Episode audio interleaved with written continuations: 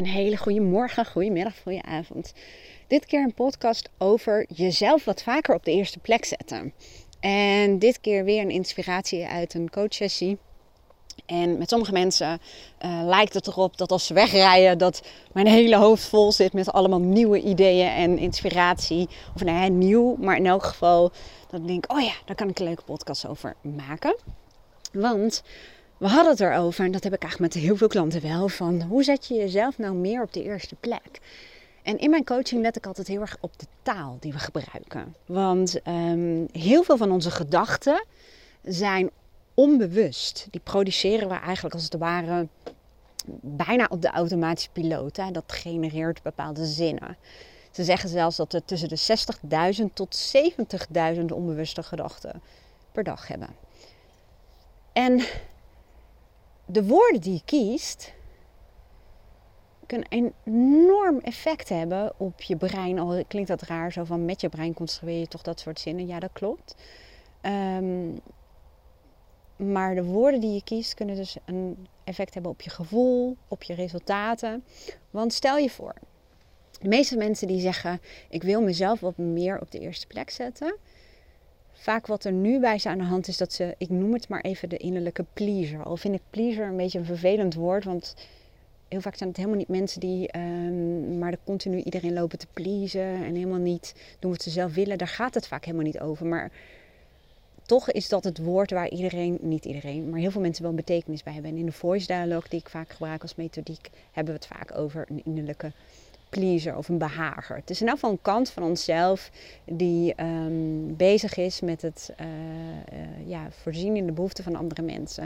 Het zijn ook vaak hoogsensitieve mensen die heel goed doorhebben um, hoe het gaat met andere mensen. Die heel erg gevoelig zijn en heel erg scannen hoe het met andere mensen gaat. Of heel erg goed kunnen anticiperen op hoe een ander erbij zit of wat de behoefte is. En heel vaak is dat zodanig geworden, een bepaalde uh, gehanteerde strategie die vaak in de jeugd is ontstaan, dat ze een kei zijn geworden waar ze ook komen.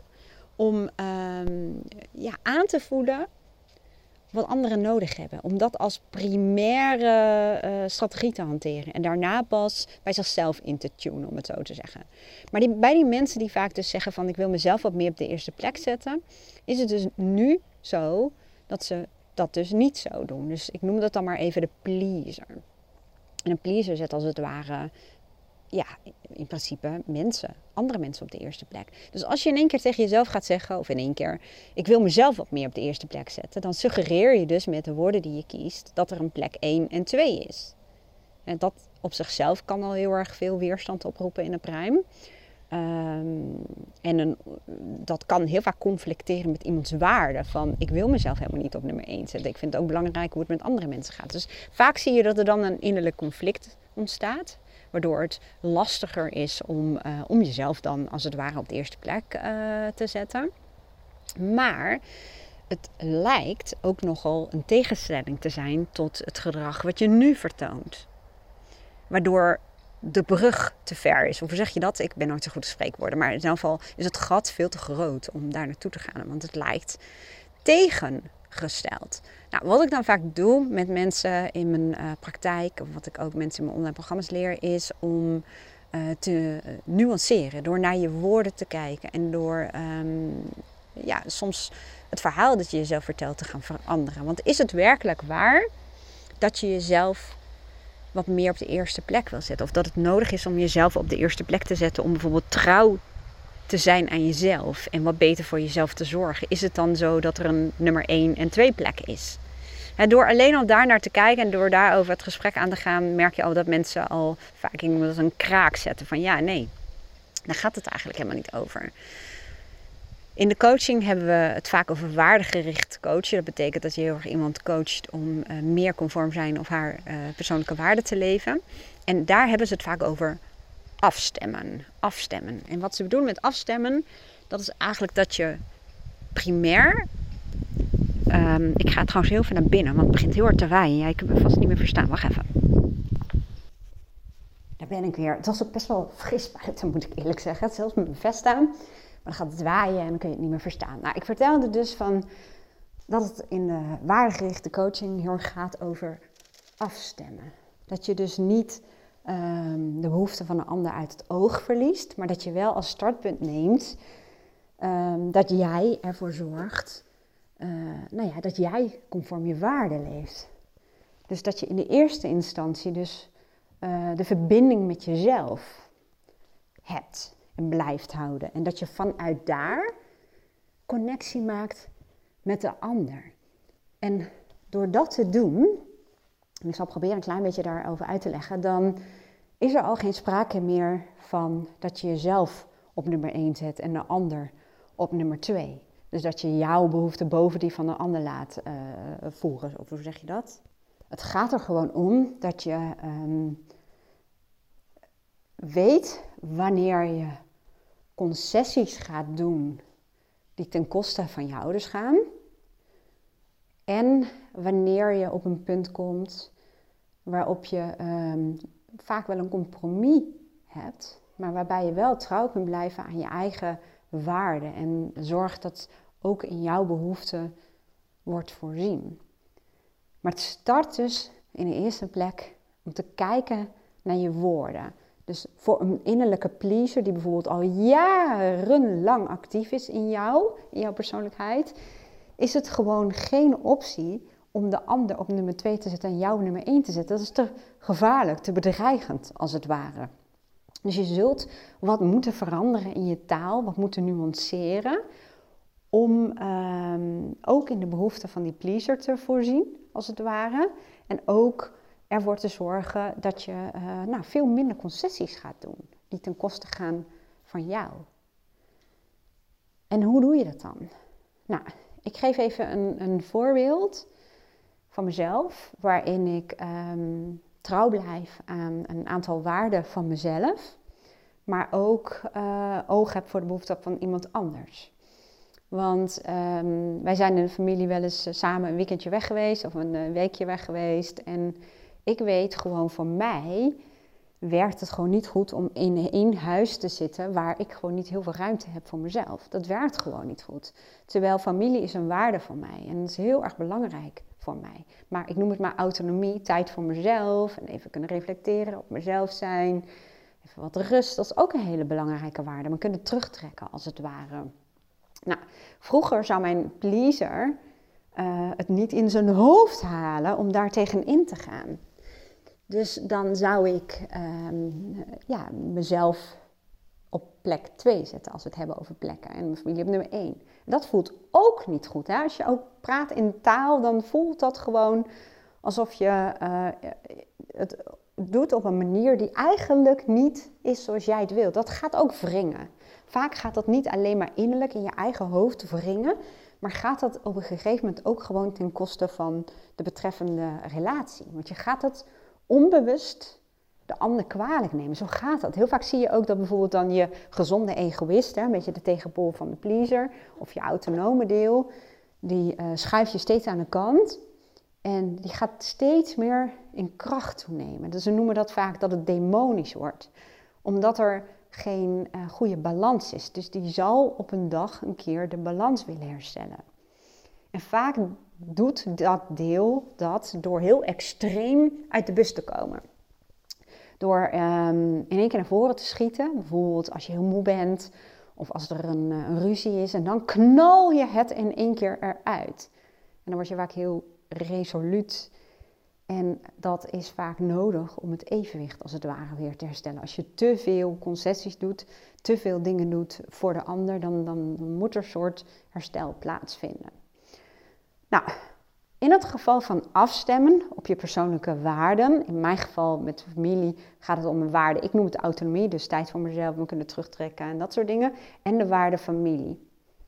Nou, en wat je dan doet, tenminste wat een manier, want er zijn heel veel andere mogelijke manieren. Ten eerste voor jezelf helder krijgen van ehm, ja, wat, wat, wil ik hier echt in? Wat is mijn intentie om bijvoorbeeld uh, dat te doen of dat niet te doen? Dus het gaat ook om jezelf vragen stellen.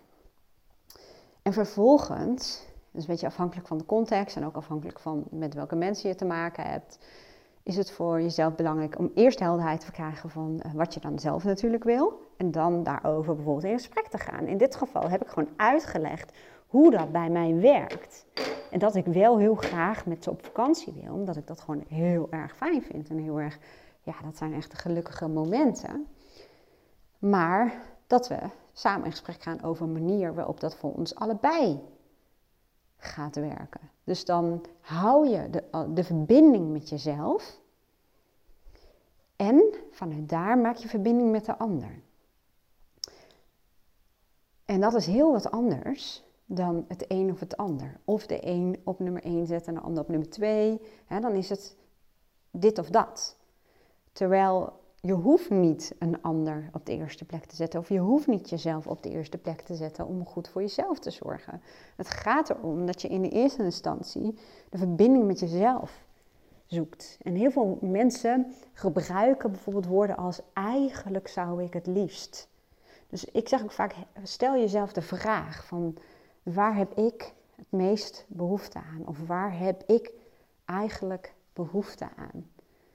Of wat wil ik het liefst? Door die woordjes erin te voegen, komt heel vaak vrij wat we werkelijk willen. Let maar eens op je eigen taal. Heel veel mensen hebben het echt heel vaak over, ja, eigenlijk zou ik dan het liefst bijvoorbeeld in een apart huisje. Of eigenlijk zou ik het liefst. En eigenlijk zijn vaak woorden die verraden wat je werkelijk wilt. En vaak gebruiken we die woorden richting de ander in de hoop dat de ander dan gaat zorgen voor jouw behoeften.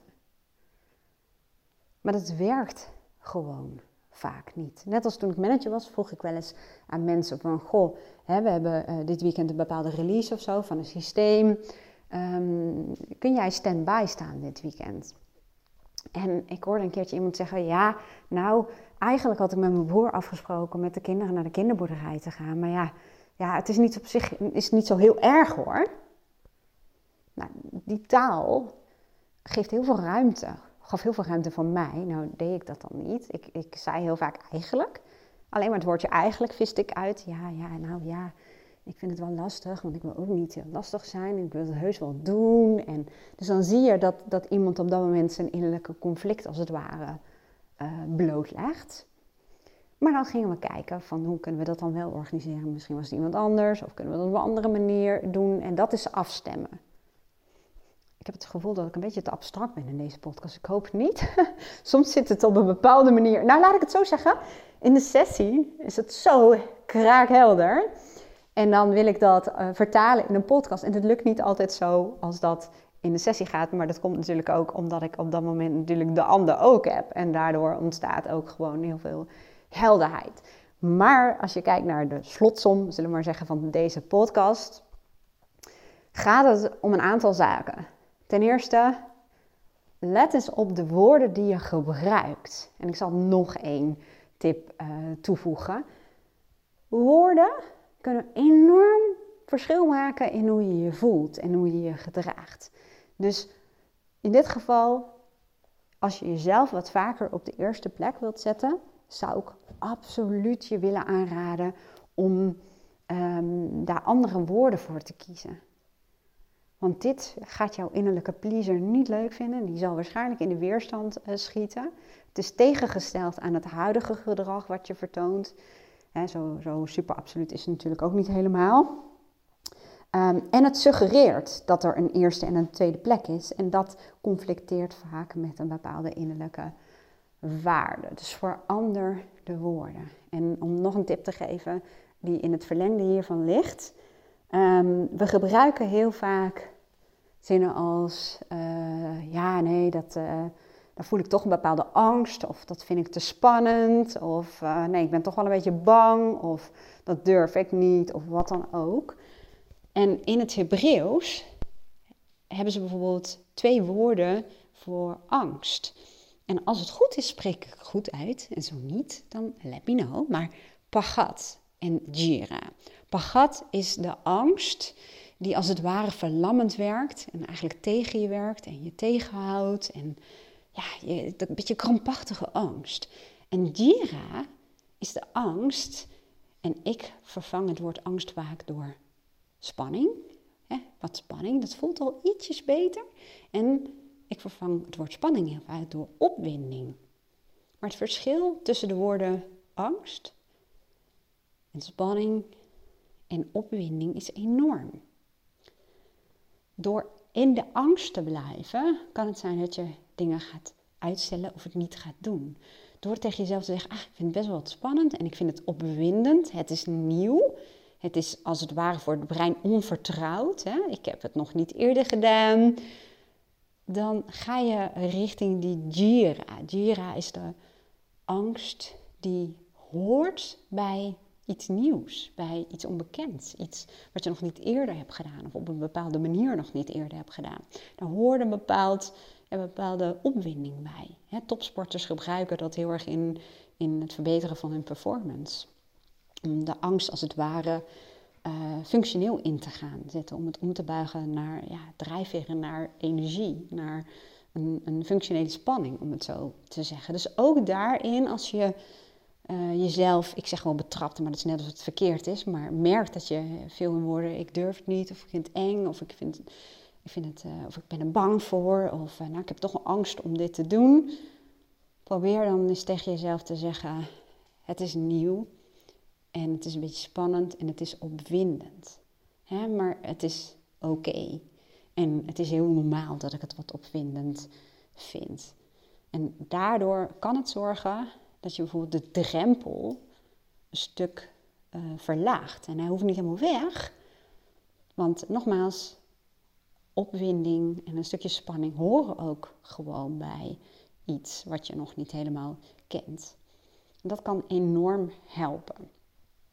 Marissa Peer, een Britse hypnotherapeute, die zit ook op Instagram, die um, werkt heel erg veel met taal en de woorden die je gebruikt en de effecten daarvan. Dus als je je verder wil laten inspireren, dan kan ik echt haar van harte aanbevelen. Ik heb bij haar ook programma's gevolgd. Dus vandaar dat ik uh, nou ja, eh, haar ook echt wel als inspiratiebron zie. Ook voor de wijze waarop ik uh, coach. Dus ik zou je zeker laten inspireren. En nee, dat was het eigenlijk. Ik hoop dat je er iets mee kan. Ik wens je een hele mooie dag. En uh, ik zou het waarderen als je een review achterlaat of een reactie achterlaat. Dan weet ik ook een beetje wat de podcast uh, voor jou doet. Ik wens je een hele mooie dag en heel graag tot de volgende podcast. Doei doei!